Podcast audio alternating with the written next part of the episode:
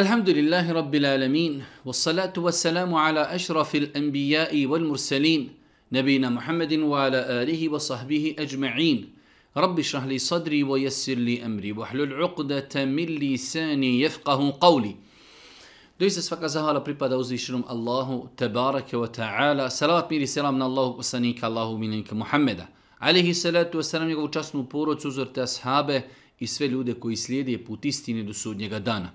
Uvažena braćo i poštovani sestri, uvaženi gledatelji, evo nas u još jednoj emisiji u kojoj se družimo sa vašim dilemama i vašim pitanjima. Ovo je naša 58. emisija. Kazali smo i nagovijestili smo putem Facebooka da u ovih nekoliko narednih emisija ćemo prvenstveno odgovarati na pitanja koja se vezuju za Bajram, za Kurban, za Hadž, deset dana Zulhidžeta. A ako ne bude takvih pitanja, onda ćemo generalno odgovarati i na sva ostala pitanja. Prvo pitanje, šta uraditi sa kurbanskim mesom koje dobijemo, a za koje znamo ili nismo sigurni da li je zaklano na, haram, na halal način. U svakom slučaju, braćo moja draga i sestre, osnova je, jedna velika osnova je ako nam je neko donio kurban, a musliman je, da mi ne trebamo ništa provjeravati. Donosi nam osoba koja je musliman, samim tim, znači dok on donosi, on je musliman, da mi sada moramo provjeravati ko je i kako je klao, ne moramo.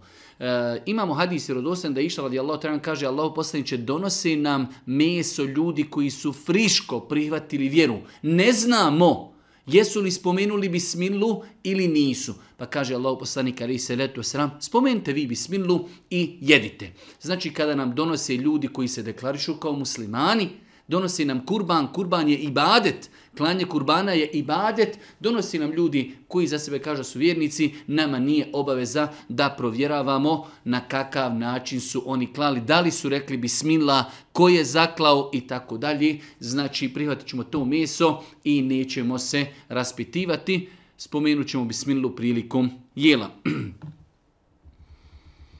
Da li je obavez da se kurbansko meso podijeli na tri dijela?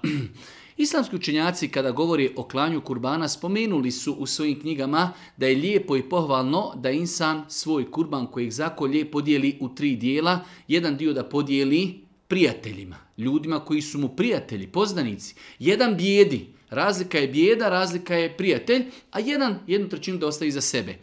Ali treba znati da E, ovo nije obaveza, nije obaveza. Tako da čovjek može uraditi suprotno tomi. Može čovjek kilu mesa ostaviti sebi, ostalo podijeliti u sadaku. Može cijeli kurban ostaviti u sadaku. Može cijeli kurban dati prijateljima i tako dalje. Tako da e, ne postoji 100% preciziran način podjele kurbanskog mesa, tako da čovjek može čak svoje kurbansko meso, zaklo je kurban, odnijeti ga u neku javnu kuhinju. Može ga dati znači e, u neku instituciju i tako dalje. Tako da ono što su učenjaci kazali jeste da je lijepo da čovjek podmiri i potrebe prijatelja, i potrebe bijedi, a i da sebi nešto ostavi, sebi svoj poroci.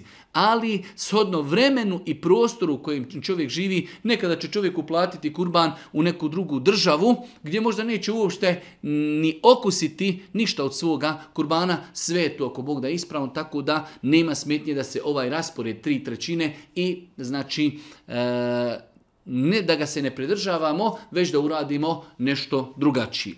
Broj tri, živim i radim na zapadu. Nema mogućnost ovdje svojom rukom da zakolim kurban i tako dalje.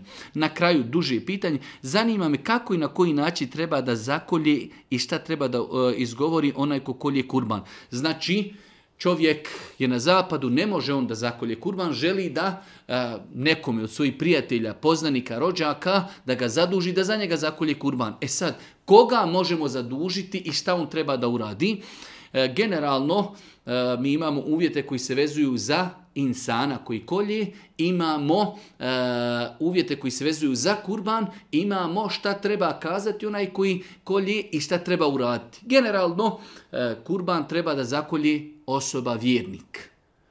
E sad, šta je vjernik? Vjernik je čovjek koji se deklarši, koji je musliman, klanja namaz, ide na džumu i tako dalje. Znači, bitno je da je to čovjek musliman. Bitno je da je to čovjek musliman. Pod jedan, e, prilikom klanja obavezno da kaže bismillah. Obavezno da kaže bismillah. E, isto tako, da prilikom klanja obaveza mu je, znači da prereže ono što treba da se prereže, a to svi ljudi koji kolju znaju da, znači e, prerežu i grkljan i dušnik i vene koje znači vode krv iz mozga ka srcu. Tako da, znači, e, osoba koja kolje treba da bude musliman, osoba koja kolje treba da bude musliman, da kaže bismila prilikom klanja. Imaju još neki, e, da kažemo, pohvalne radnje, ali mi o tome i sada ne govorimo. Govorimo šta je obaveza. Šta je obaveza? Znači bitno je da kaže bismila i da prereži oštrim nožem ono što treba da se prereži prilikom klanja. Svakako ne treba pikovati životinje, niti treba udarati čekićom, već i treba znači zaklati onako kako je to naređeno i kako je pojašnjeno, tako što će se prerezati dušnik i prerezat će se grkljan i prerezat će se vene koje vode krv iz znači srca prema mozgu. Moram li odnijeti kurban svima onima koji su meni donijeli kurban? Dosta puta se dešava, pogotovo u nekim manjim mjestima, hajde da kažemo selima, da ljudi jednostavno zakolju kurban i onda gledaju da svim stanovnicima određenog mjesta dostavi kurban i onda bukvalno e, to se desi ja tebi ti meni, ja tebi ti meni, ako ti mene doneseš ja se na tebe naljuti i tako dalje. E, što ne, e, ne bi trebalo da bude u ovom pitanju kurbana. Znači kurban prvenstveno treba da doživimo da je to prinošenje žrtve uzvišom Allahu te barake ta'ala radi Allah subhanahu wa ta'ala. Kome ćemo dostaviti to meso? Bolje da dostavimo na 5, 7 ili 10 adresa E, osoba koji su potrebne, gladne, imaju mnogo članova poroci, pa da se oni obraduju toj jednoj kili i po dvije mesa, nego da mi moramo na 50 kuća jednog sela podijeliti jednu ovčicu koju smo zaklali i svakom je dadnimo možda po 100-150 grama mesa, čisto on je dao nama, mi smo dali njemu. Tako da insan treba da se u datom momentu malo izdigne iznad toga, koljem kurban, želim time Allaho zadovoljstvo, a kada je u pitanju meso, Daću nekome mi je doista e, među najbližim komšijama, najbližim rođacima, nakon toga podijeliti onima koji su potrebni, a ne da gledamo šta će kazati narod, ja posto njemu, on nije meni vratio i tako dalje. Može se kurban podijeliti kao ispečeno meso? U zadnje vrijeme počela je praksa da se uvodi da ljudi svoj kurban uzmu zakolju, ispeku i podijeli. Je li to ispravno? Jeste, nema ništa, nema ništa loše u tome čak šta više, ja smatram da je to jedna lijepa praksa da u jednom selu jedan, dva, tri čovjeka svoj kurban ispeku i ljudima onako friško pečeno meso podijeli po pola kile, po kilu mesa i tako dalje. E, jednostavno, naš narod e, slabo konzumira, pošto se većina kurbana kolju ovce ili ovnovi, slabo naš narod konzumira e, ovčije meso, a svi vole pečenje. Tako da ovo je u jednu ruku i dobar način metoda da naš kurban bude dobro iskorišten i pojeden.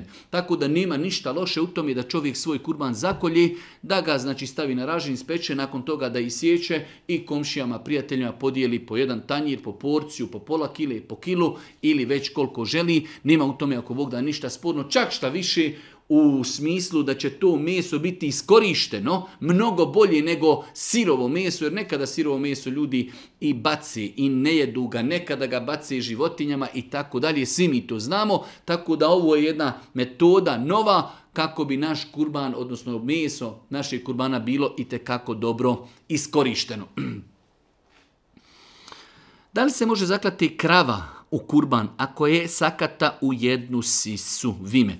nije oštećena samo u njoj nema mlijeka.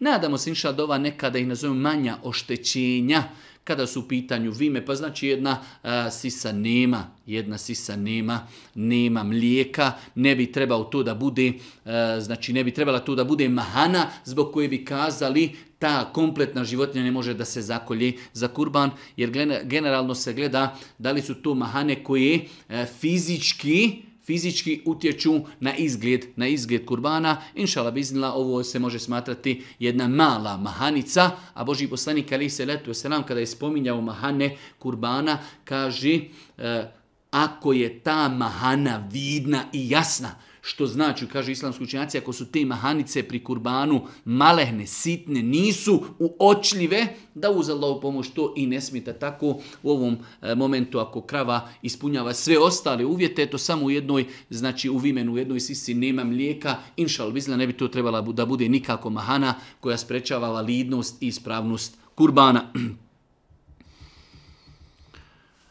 Šta urati sa kurbanskom kožicom i možemo li je koristiti. Generalno gledajući, e, čovjek od svog kurbana ne smije ništa prodati. To je najbitnije da zapamtimo, a od svih dijelova kurbana čovjek se može okoristiti na način e, jednostavno e, shodno vrsti dijela kurbana. Tako da kožicu čovjek može donirati može je nekome dati, pa makar je taj neko poslije prodao. Bitno je da njen prvi vlasnik, čovjek je zaklao kurban, ima kožicu. On je ne može prodati ali da je on nekom je pokloni, dadni, mi imamo sada nekada i bude na državnom nivou organizirano prikupljanje kožica od strane institucije islamske zajednice. Nema nikakve smetnje, čovjek daje svoju kožicu za instituciju, a nakon toga oni to prodaju kožarama, imaju od toga, ajde da kažemo, i neki novčani povrat, što je i tekako lijepa i pohvalna stvar. Bolje nego da se to baca po nekim deponijama i tako dalje. Tako da, znači, kad su u pitanju kožice od kurbana, čovjek je može zadržati za sebe, može je uštaviti, može je koristiti, može od nje napraviti mješinu i tako dalje. Znači, Znači, e, to je kurban, halal životinja i samim tim i njena koža je halal i čista. Njena koža je halal i čista. E sada, znači, košcu ne smijemo prodati, iako je bio dio učenjaka koji je kazao ako i prodamo košcu, te pare ćemo dati u sadaku, ali bolje da se to ne radi, košcu ili ćemo nekome donirati, on je može poslije toga prodati, bitno je da mi to ne radimo. Tako da košcu možemo zadržati za sebe, iskoristi u nešto što je dopušteno i dozvoljeno, da li ćemo to iskoristiti, nekada ljudi napravi od toga neku seđadu na koju klanjaju, e, nekada neko napravi neku mješinu i tako dalje. U svakom slučaju to je dozvoljeno da se čovjek okoristi e, kožicom svoga kurbana, a isto tako može je donirati nekome besplatno, a taj kome se donira može je prodati.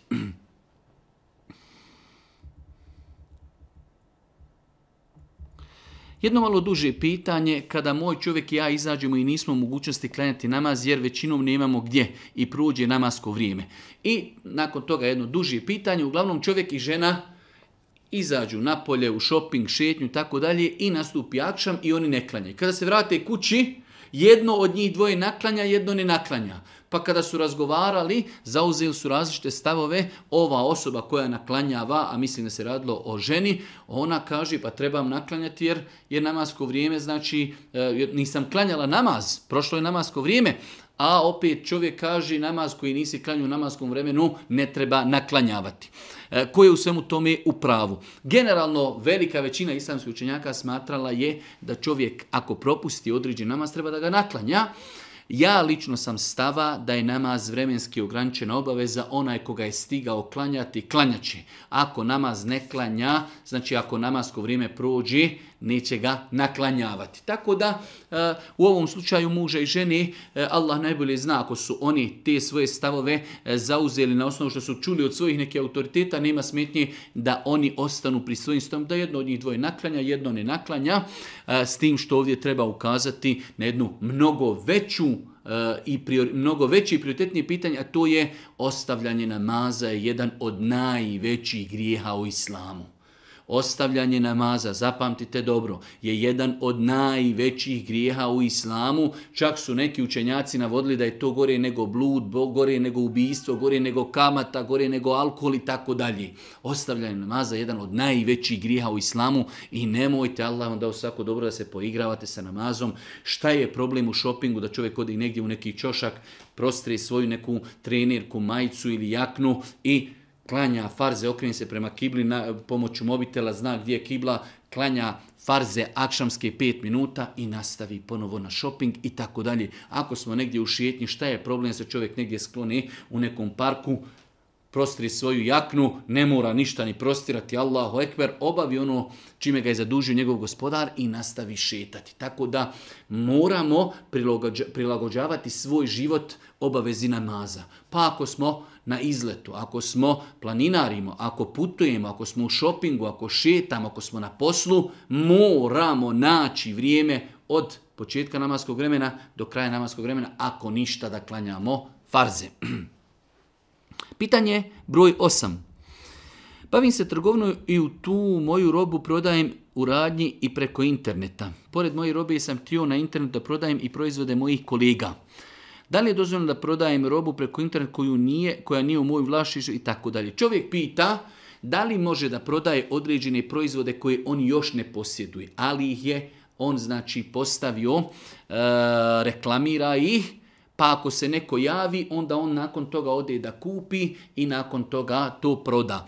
E, ako ima osobu koja ima tu robu na stanju, čovjek primjer radi, e, evo rećemo, ja nemam mobitele, ali imam prijatelje koji ima mobitele i kaže vidi ja imam na stanju te mobitele, ako hoćeš ti kod sebe objavljuj na, na, internetu, tebi je cijena toliko. Tebi ako neko traži taj mobitel, ugradi se i povećaj cijenu za 10, 20, 30, 50 eura i zaradi.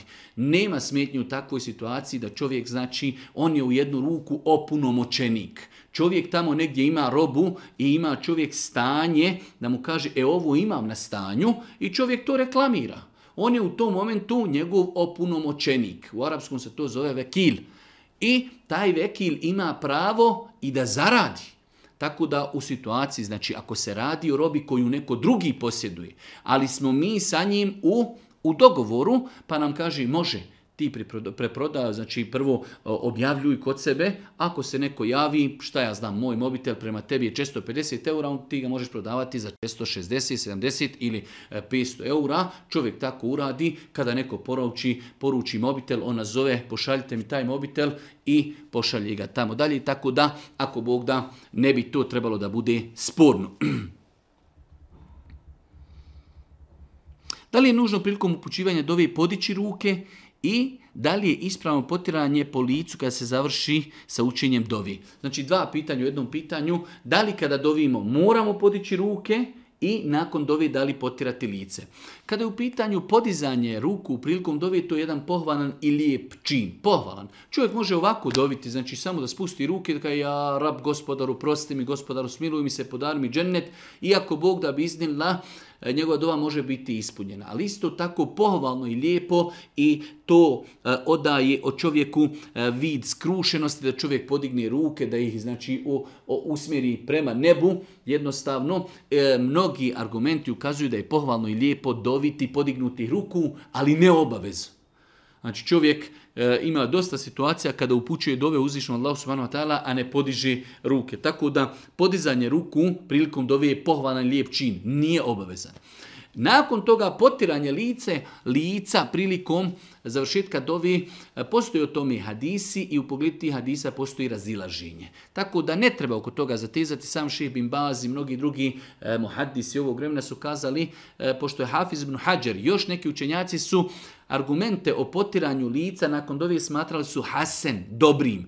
Tako da, hm, E, nema smetnje da čovjek i potari, a isto tako i ako ne potari, znači ako je čovjek uvjerenja da hadisi o tome su daif, znači ne treba da kažemo da to pitanje bude pitanje spoticanja, pitanja, rasprava, pitanja mržnje i tako dalje. Onaj ko smatra da su hadisi o tome hasen dobri, vjerodostojni, nema smetje da potari lice. Onaj ko smatra da su hadisi o tome daif, e, ne mora potrati, a i oni koji smatraju da je hadis daif, nema smetnje da potaru, jer su islamski učenjaci kazali da nema smetnje da hadis ako nije žestoko slab, da se po njemu radi. Tako da e, potirati lice posljedovi može se potrati, ali isto tako ako ako to neko ne uradi, ne treba ga kritizirati.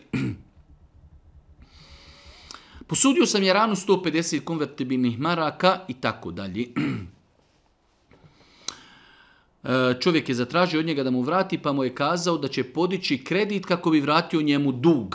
Pitanje je da li mogu uzeti novac od osobe koja diže kredit kamatni da bi meni vratila, da bi meni vratila, da bi meni vratila dug. Znači imamo čovjeka dužan je nekome nešto, pa, znači on kaže tom čovjeku, ja ću podići drugi kredit da bi tebi vratio kredit, da li je sada njemu dozvoljeno da uzmije taj novac zato što on podigao kamatni kredit.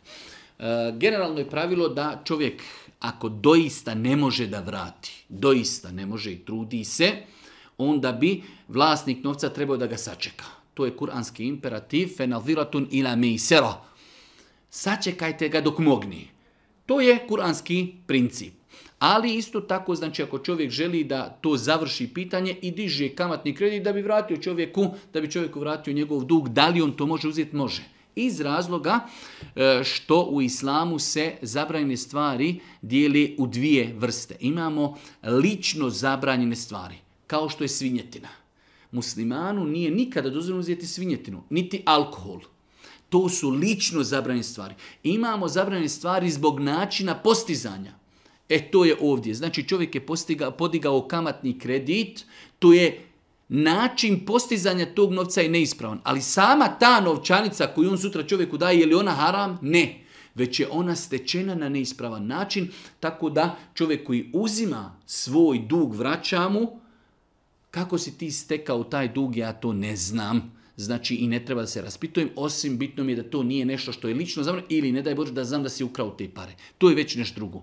Ali način kako si ti to stekao, ti ćeš pred gospodarom odgovarati. Pa da, na, da ne tumačimo i da ne dužimo kako možda ne bi bili zbunjeni, ako je neko nekome dužan novac i taj neko želi da podigne kamatni kredit kako bi tebi vratio tvoj kredit koji nije kamatni, možeš li ti taj novac od njega uzeti? može uzeti se taj novac, a on će biti odgovoran kako i na koji način je uzeo taj kredit.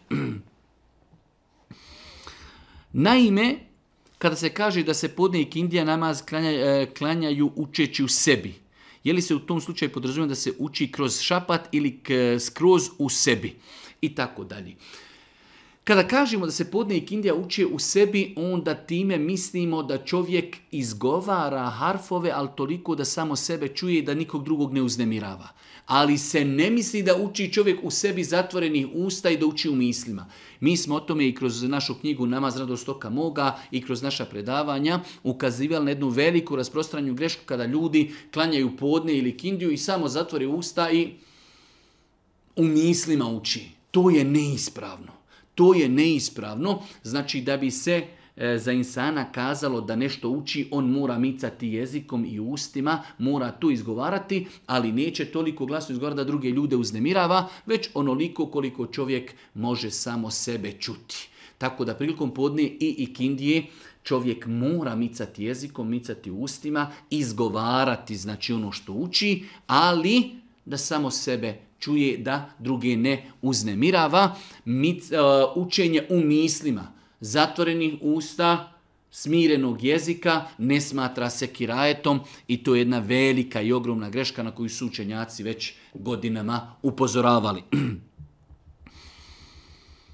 da li je dozvoljno nositi ovu odjeću i klanjati u istoj zbog ove zlatne boje. Jedan brat nam je poslao sliku, znate kada ljudi kupe određenu odjeću, pa po toj odjeći imaju oni kao neke e, šare koje su kao zlatne boje. Da li je u tome dozvoljeno klanjati? Definitivno da. Nije to zlato, pa da bi mi mogli kazati da je zabranjeno klanjati odjeći u kojoj ima zlatni vez. To što imaju neki konci koji liče zlatu, znači ne smeta da čovjek nosi takvu odjeću i da u takvoj odjeći, ako Bog da, klanja. Zanima me da li je u islamu dozvoljeno raditi plašnu operaciju ušiju kod izrazito klempavosti dječaka. Dječak ima 10 godina. Kad su u pitanju estetske operacije, plašne operacije, islamski učinjaci prvenstveno su kazali da treba raditi operaciju onda kada se operacijom rješaju određene anomalije.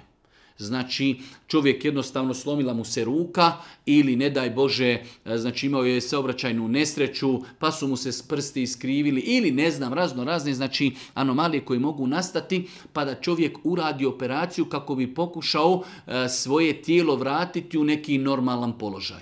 To su znači e, osnovna situacija kada je dozvoljeno raditi te neke estetske operacije. Estetske operacije koje se radi isključivo radi ljepoti.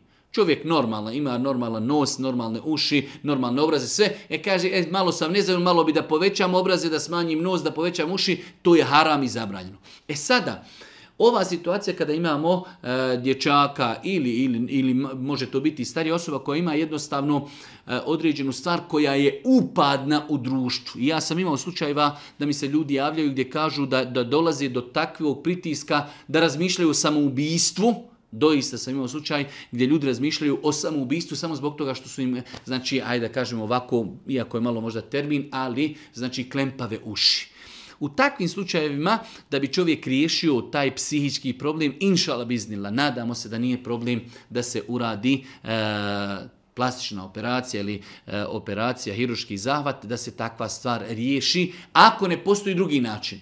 Iako znači djeca dok su malehna, mislim da se to može rješavati e, i na način nošenjem određenih e, steznjaka, trakica i tako dalje, ali ako to ne bi se moglo riješiti na takav način, onda inša da se uradi e, neka operacija, manji hiruški zahvat, ako se doista vidi da tom djetetu to mnogo smeta, da ga djeca provociraju, da na to na njega djeluje mnogo psihički, da jednostavno gdje god se pojavi samo ljudi gledaju u njega i njegove uši iako to ne može podnijeti, nadamo se inšala da nije griješan, da pokuša to vratiti pod danim znacima u neku normalu, odnosno šta je normala, onako kako suši kod većine ljudi na planeti.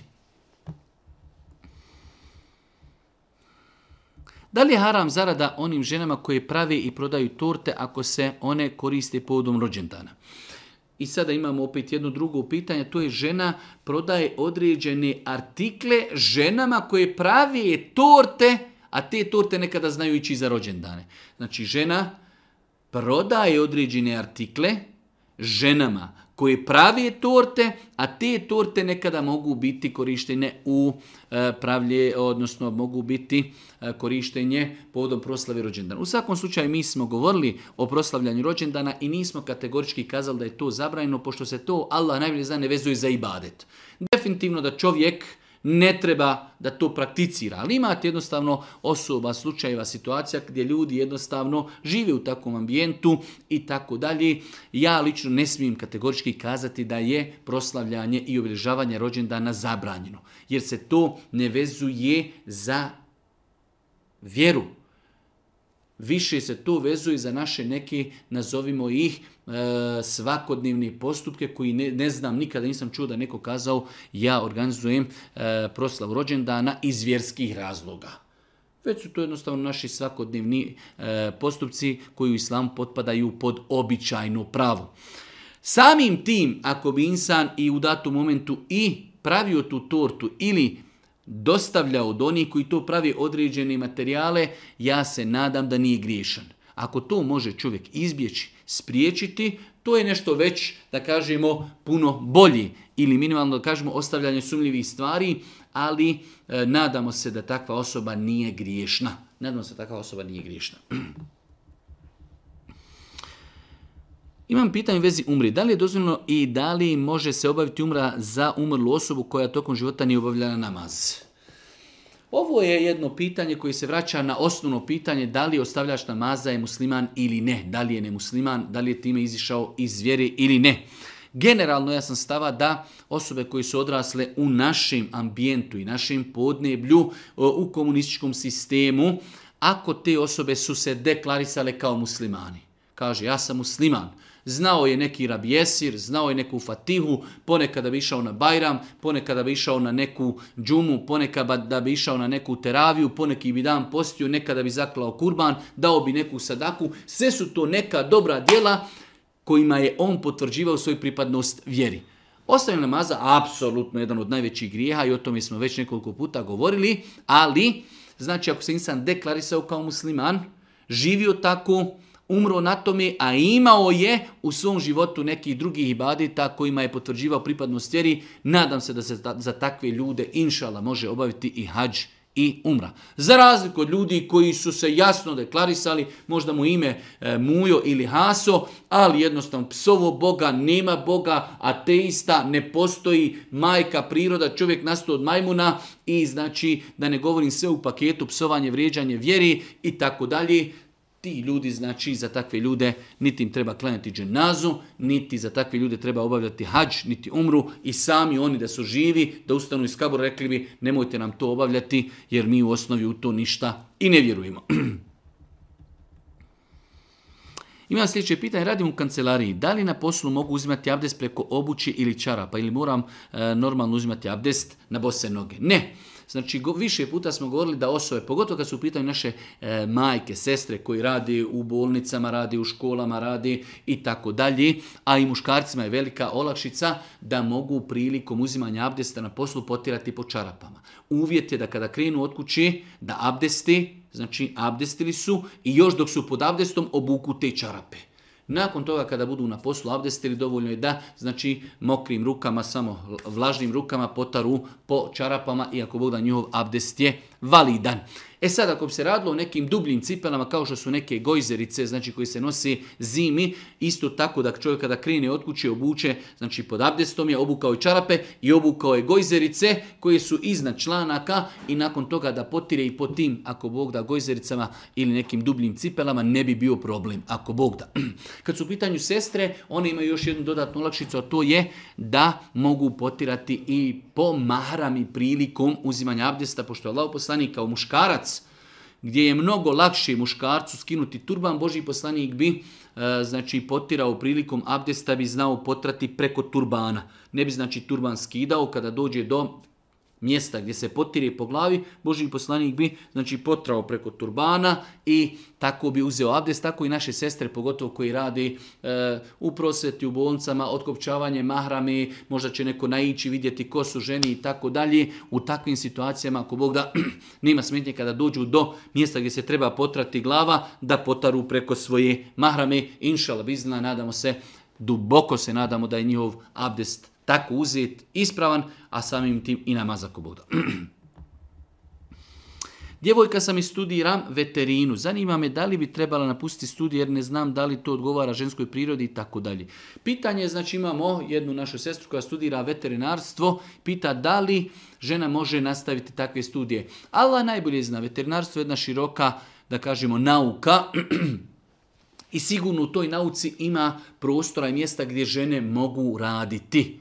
Imaju sigurno i neki poslovi gdje žene ne mogu raditi u veterinarstvu, tako da e, sada prekidati, ovdje nije navedeno nikoliko e, godina već osoba studira, ali generalno ne vidim u tome ništa loše da žena nastavi te studije, sutra se može zaposliti, možda na, nastaviti se školiti pa postati profesor ili profesorica ili, ili nešto slično. To mi, e, znači, sada je to je jedna velika nauka, znači veterinarstvo je jedna velika nauka gdje ima sigurno mnogo prostora gdje žena i pokrivena i koja obavlja namaz i vjernica može imati nekih normalnih poslova koji odgovaraju njenoj prirodi, koji odgovaraju njenoj prirodi i da njene pare koje zarađuju budu halal, definitivno imaju neki određeni poslovi u toj struci koji ne doliči da ih obnaša žena, ali znači žena koja već to studira treba da e, gleda, da pokuša gledati ako Bog da e, u budućnost gdje bi mogla tražiti određen posao i zaposljenje koje odgovara ženi vjernici, ženi muslimanci, ženi, muslimanki,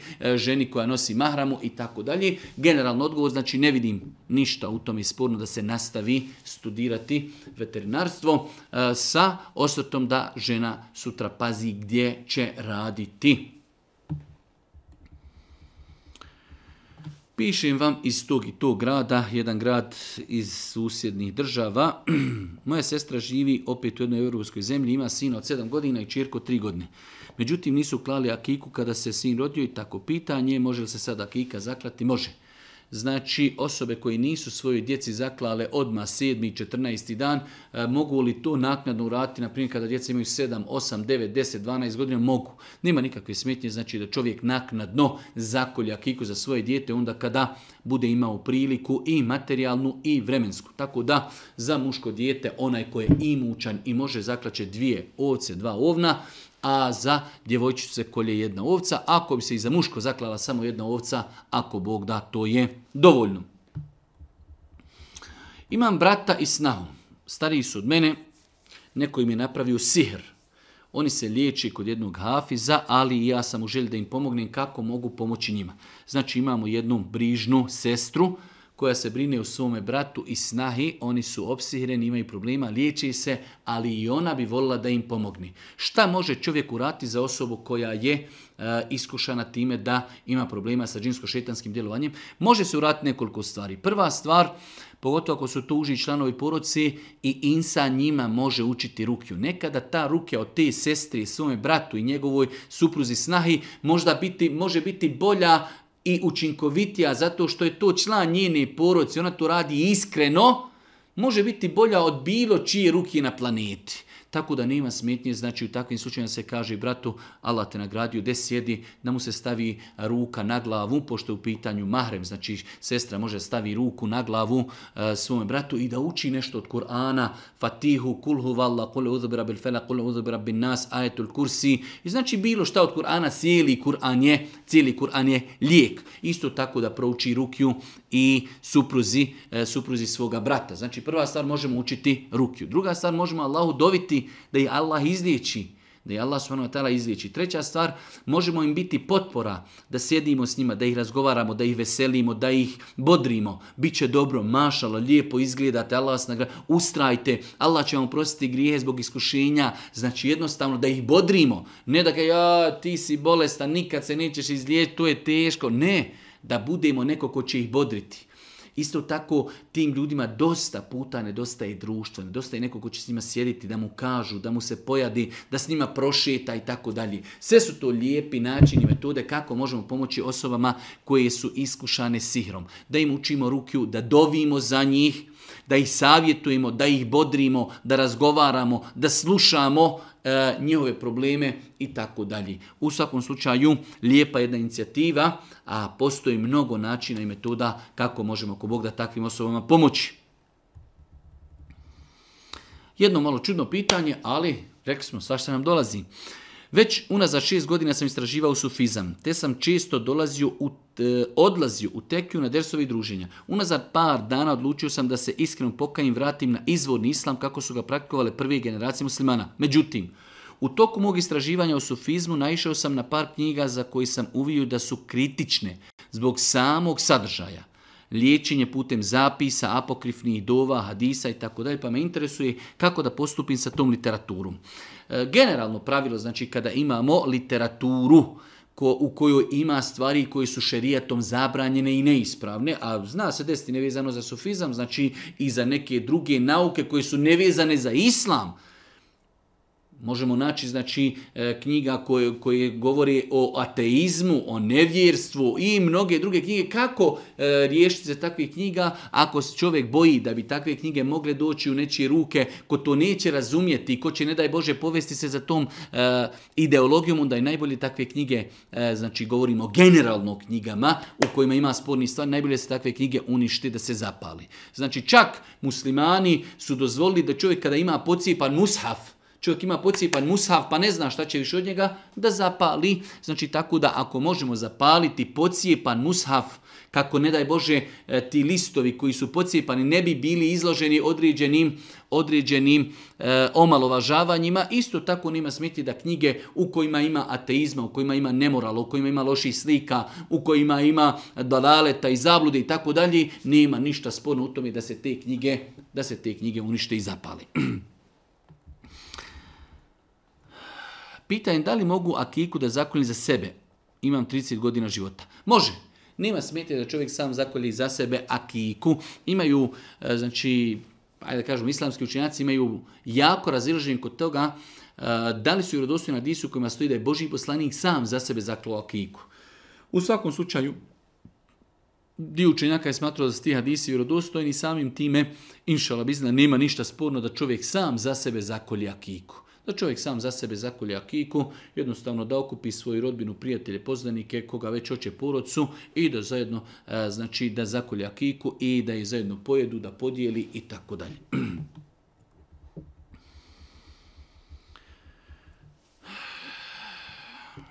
E, ovako, zanima me ovo, u braku sam toliko i toliko, ima muža vjernika, elhamdulillah, pobožan, fin, iskren imam najbolje mišljenje o njemu, međutim moj muž govori da nema ništa loše ako ode na bazin i da se kupa.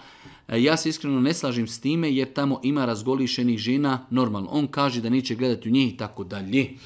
U svakom slučaju pitanje da li je to ispravno ili neispravno. Neispravno, apsolutno neispravno. Znači otići na bazin na kojem se kupaju zajedno muškarci i žene, muškarci otkrivenih avrita i žene otkrivenih avrita, apsolutno to ne bi trebao sebi da dozvoli vjernik musliman.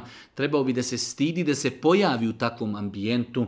E, ne samo žene, čak da čovjek ode, kad bi rekli imaju samo muškarci, ali ti muškarci se kupaju u onim nekim klasičnim, standardnim, e, znači kupačim e, kostimima, znamo svi kakvi su, koji samo pokrivaju, znači baš samo spolni organ, vjernik bi se trebao da stidi otići na mjesto gdje se samo kupaju muškarci tako obučeni. A zamislite onda kako da se vjernik stidi da ode na mjesto gdje izmiješano se kupaju muškarci, žene, žene razgoličeni kao neće on gledati u njih. Pa gdje će gledati? Hoće li, eh, hoće li eh, staviti sebi povez na oči? Nemoguće. Tako da, e, znači, e, ne, nemam ni jedan posto sumnje da je muslimanu zabranjen odlazak na takva mjesta. Allah Đeršan naređuje vjernicima da obaraju poglede, da ne idu na mjesta gdje će biti iskušani, čovjek će vidjeti možda ženu pa će možda sa njom kontaktirati pa će mu se svidjeti, može to doći i do nemorala. Allah Žešan kaže وَلَا تَقْرَبُ i nemojte se približavati bludu. Odlazak na kakva mjesta je apsolutno približavanje bludu, pa je to kršenje ovakvih smjernica, nemojte se približavati bludu. To je sigurno približavanje bludu, ne doliči vjerniku da bude tu, nemoguće na takvim mjestima sačuvati pogled razke. Kad čovjek odi na ulicu e, gdje možda ima otkrivenih žena i pokriveni pa kada vidi nešto loše, on će boriti pogled. Ali otići na mjesto gdje mi sigurno znamo da su sve žene razgoličene, i mi kao kažemo nećemo u njih gledati, to je, što bi rekli ovdje Sarajlije, šuplja, znači nemoguća misija.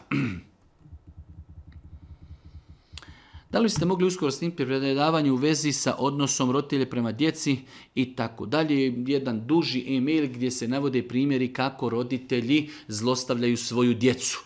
E, ponekada su to čak i roditelji koji e, znaju islam i znaju i kako dobro iskoristi svoja prava, ali svoje obaveze e, zakazuju. Mi smo više puta o tome govorili, kao što je djeci naređeno da pazi na roditelje do te mjere da dijete ne smije roditelju reći ni uh.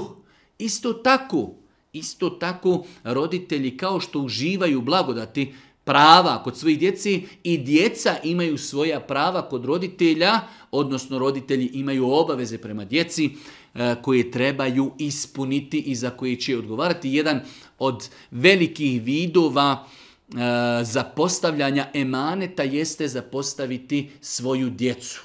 Imamo mi danas E, dosta slučajeva manipulatorstva, gdje imamo slučajeva zloupotrebi, zuluma, nepravdi, različitih vidova zuluma i nepravde od strane roditelja prema djeci. I to zna biti u redovima ljudi praktikanata vjeri. Znači, ne govorimo mi o pjanicama, ne govorimo mi o drogerašima, niti govorimo o kriminalcima, govorimo o ljudima koji idu u džamiju, možda o ženama koji su pokrivene, koji su bili na hađu, ali njihovo obhođenje prema djeci, kada bi ga gledali u prizmi islama, vidjeli bi mnogo harama, mnogo zulma, mnogo manipulisanja. Znači, imamo roditelje koji e, su djetu spremni. Znam slučajeve kada roditelj seksualno zlostavlja svoje dijete i u svemu tome mu citira ajete pokornosti djeteta prema ocu. Ima, ima, ima. Tako da e, ovo nikako ne znači e, umanjavanje prava roditelja kod djeci i o tome smo mi govorili i što bi rekli izderali smo jezik govoreći koliko djeca moraju da pazi roditelje. A da ima manipulisanja, da ima zloupotrebe, da ima zlostavljanja, da ima e, znači grešaka od strane roditelja i roditelja koji su vjernici prema djeci ima. I roditelj treba da se boji Allaha te barake prema toj svojoj dječici, da im ne učini zulum, da im ne učini nepravdu, da ne bude nepravedan, da im ne manipuliše, da im ne zlostavlja i tako dalje, jer su oni najprioritetniji da se on prema njima lijepo obhodi, znači mnogo prioritetnije nego da se lijepo obhodi prema komšijama, prijateljima i poznanicima. pred, pred kim smijem biti otkrivena u smislu hijaba, pred kim ne smijem, pred kim smijem. Skoro sam odlučila da stavim hijab, inšala, da istrajem u tome. Generalno najbolje je da žena, znači pitanje pred kime žena može da bude u mahrami, znači odnosno bez mahrami, a pred kime mora biti pokrivena. Žena, znači određen broj ljudi smatra da žena koja je pokrivena, ona je uvijek pokrivena, ona je u kući pokrivena. Ne, Žene koje su pokrivene, one kada su u kući pred svojim ocem, pred svojim sinom, pred svojom djecom, pred svojim djedom, pred svojim amiđom, one su otkrivene i nosi, hajde da kažemo nešto što se normalno nosi u kući, majica kratkih rukava, neka suknja i tako dalje. Znači, e, jedna od pogrešnih vizija, možda je to čak malo i ciljano nametnuto one su zavijene, one nikad se ne znaju odmotati, one su i na polju i u kući uvijek pod mahramom i tako dalje, što je neispravno i nije tačno. Žena kada je u kući nema potrebu da bude pokrivena, osim ako je u kući ušao neko kojoj nije mahrem. Najbolje je zapamti generalno pravilo, žena mora biti pokrivena pred osobom koja joj nije trajni mahrem. Trajni mahrem, šta je trajni mahrem? Trajni mahrem je osoba s kojom žena ne može trajno nikada stupiti u brak. Sve osobe s kojima žena ne može trajno skupiti u brak su njeni mahrem i samim tim ona pred njima može biti otkrivena. Ona može pred njima da ne nosi mahram, može da bude majci kratkih rukava, može da bude u nekoj suknji do koljena i tako dalje. E, sve osobe s kojima e, žena nije u toj vezi da nisu joj trajni mahremi i da s njima nekada može stupiti u brak, s takvim, pred takvim osobama žena treba da nosi mahram. Pa evo nekoliko tih e, osoba koji su mahremi ženi. Njeno dijete je njen mahrem i žena, majka, svakako da svojim, pred svojim djetetom ne mora biti pokrivena. E, unuče, znači od djeteta dijete, isto je znači E, mahrem i ne mora se pri... Muž, svakako, svekar, mužev otac je mahrem, otac je mahrem, brat je mahrem, djed je mahrem, amidža je mahrem, dajđa je mahrem. To su neke znači, kategorije muškaraca pred kojima žena može da bude otkrivena a znači opet najveće i najbolje za učiti pravilo, sve osobe koji su trajni mahremi, žena pred njima može biti otkrivena, sve osobe e, koje nisu trajni mahremi ženi, pred njima treba da bude pokrivena. Zanimam da li muž ima pravo da mi gleda čat sa prijateljicama koji su pokrivene, a koji im ponekada pošalju neku sliku na kojima e, nemaju maramu. Ovdje se e, radi o jednoj greški i onda iz te greške su prošle druge greške. Smatram osobi da je greška, da žena koja je pokrivena, svoje slike šalje nekoj drugoj ženi na kojima je ona otkrivena. Bez obzira kada bi joj to bila sestra.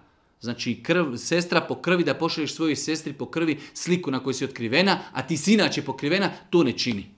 Ne znaš, možda je svoj mobitel izgubila mobitel. Ostoji mobitel na pijaci i ti pošliš sliku i muškarci gledaju tvoju sliku. Možda je izgubila mobitel. Možda je njen muž nenamjerno uzeo, znači njen mobitel čuje poruka došla, tup, pogleda tvoju sliku i tako dalje. Tako da u osnovi znači greška je, greška je da žena koja je pokrivena šalje drugim ženama slike na kojima je ona otkrivena. Greška je i da žena koja je otkrivena svoje slike šalje drugim ženama. I to je greška. Ali mi ovdje prvenstveno govorimo o ženama koji su već odlučile da niko ne vidi njihovu kosu. Pokrile su se, i onda, kao eto, malo u opoštenoj fazi, pošalje nekim ženama malo, znači, slike na kojima je ona otkrivena, to je greška. To je greška. E, sada dolazimo do toga, e, nekoj ženi neka žena poslala sliku.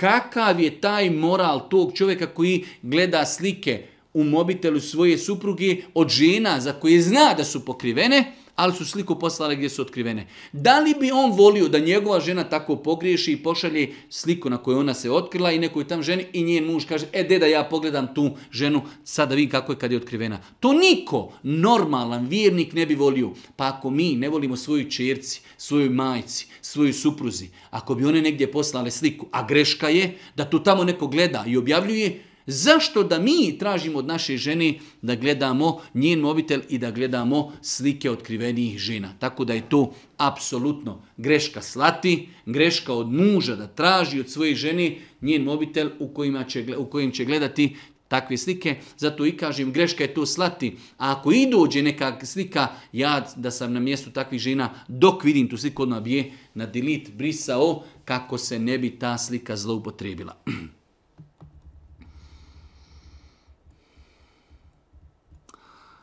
Jedno čudno pitanje, ali mi ćemo ga samo citirati zbog njegove čudnosti. Mene zanima da li je validan razvod braka ako je muž otpustio ženu tri dana nakon spolnog odnosa, izrečenim riječima više puta, naime kako on kaže njemu je dao znak. Kaže da je Allah njemu rekao da mora da me pusti i dao mu je neke znakovi i tako dalje. Pogledajte e, dokle čovjek može otići u svom dalaletu, u zabludi, u budalešinama i tako dalje. Prva stvar znači razvesti ženu u periodu kada je čovjek imao intimni kontakt sa ženom je e, haram, zabranjeno i neispravno. Čovjek koji hoće da razvede svoju ženu treba da sačka žena da dobije mjesečnicu, okupa se i u periodu kada je čista, kada nikada sa njom nije spavao, tek tada će i razvesti jednim razvodom. Jednim razvodom. Ali pogledajte ovdje e, dokle ljudi mogu ići, Allah njemu rekao da nekoga razvede. Balalet i zabluda. Nakon smrti Božijeg poslanika više niko nema kontakt i komunikaciju da mu nešto se objavljuje i da mu se nešto poručuje od gospodara. Pa ta osoba, ja ne znam o kome se radi, ali takav pristup ili laže svojoj ženi, što je katastrofa, ili treba da se liječi ili da se liječi kod psihijatra, kod pedagoga, psihologa, ili da se liječi rukijom. Ili da se liječi rukijom, ako čovjek kaže ja ne lažem ljudi, ja istinu govorim, i meni je Allah rekao da trebam da razvedem svoju ženu, takva osoba treba da ide na tretman, da li će ići psihijatarski ili će ići na rukiju, ali ima sigurno problema. Ima jedno pitanje, da li se rukija može učiti trudnicama? E, Rukja se generalno može učiti trudnicama, jer i trudnice mogu imati problema sa džinsko-šetanskim djelovanjem, ali savjetujem da osoba koja je trudna treba da kaže onome kući rukju da je trudna.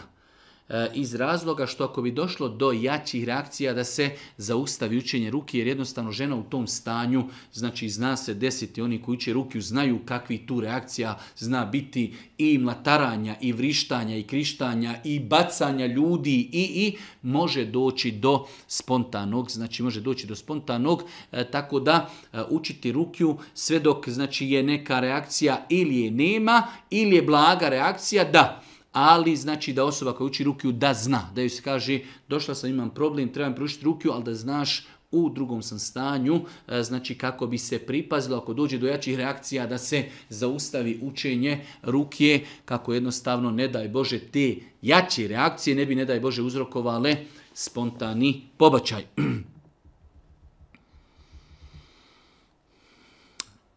Moja sestra i ja već par godina živimo odvojeno od naših roditelja, pa nas interesuje da smo mi dužne da koljemo kurban.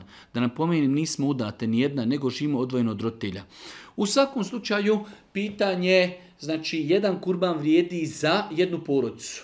Ako ove dvije žene su otišle, nisu one udate, ali jednostavno žive odvojeno od svojih roditelja, e, znači imaju svoja primanja, imaju svoju kuću, imaju svoje stanove, nema smetnje, nema smetnje da i one zasebno za sebe zakolju kurban. Nema smetnje da i one za sebe zaselju, zakolju zasebno kurban, a i ako bi njihovi roditelji zaklali jedan kurban, da i njih inšala uključi ako se još nisu udate, ako još nisu udate i ako se još nekom vezom, vezuju za roditelje, življenjem sa roditeljima. Znači pitanje je, hajde da kažemo malo elastično, e, generalno se gleda da u islamu jedna porodica koja živi pod jednim krovom za istom sofrom, da oni jedan kurban zakolju za sebe, bez obzira kada je bilo 20 i 30, dovoljno je jedan kurban. Ali u ovom slučaju malo specifično, žene nisu udate, a žive odvojeno. Ako imaju materijalnu mogućnost da zakolju za sebe kurban, dobro jest, ako nemaju ili ako roditelji zakolju za sebe i za njih jedan kurban, nadamo se inšala da je to dovoljno. Posljednje pitanje na koje mi ćemo dati odgovor jeste e, da li je dozvoljeno raditi hipnoterapiju. Hipnoterapiju. Čovjek koji to radi jeste certifikovan hipnoterapeut. Ovo pitanje je znači izuzetno škakljivo i osjetljivo pitanje, pa ćemo ako Bog da potruditi se, potruditi se do naredne emisije da još dodatno istražimo ovo pitanje, pa ćemo na njega dati, ako Bog da, odgovor. Allah nas nagradi na vašoj pažnji. Allah subhanahu wa ta'ala molimo da nas poduči propisima njegove vjere da nam olakša prakticiranje znanja i na kraju subhanike Allahumma wa bihamdike. Ešhedu in la ilaha stakfiruke wa etubu ilaik.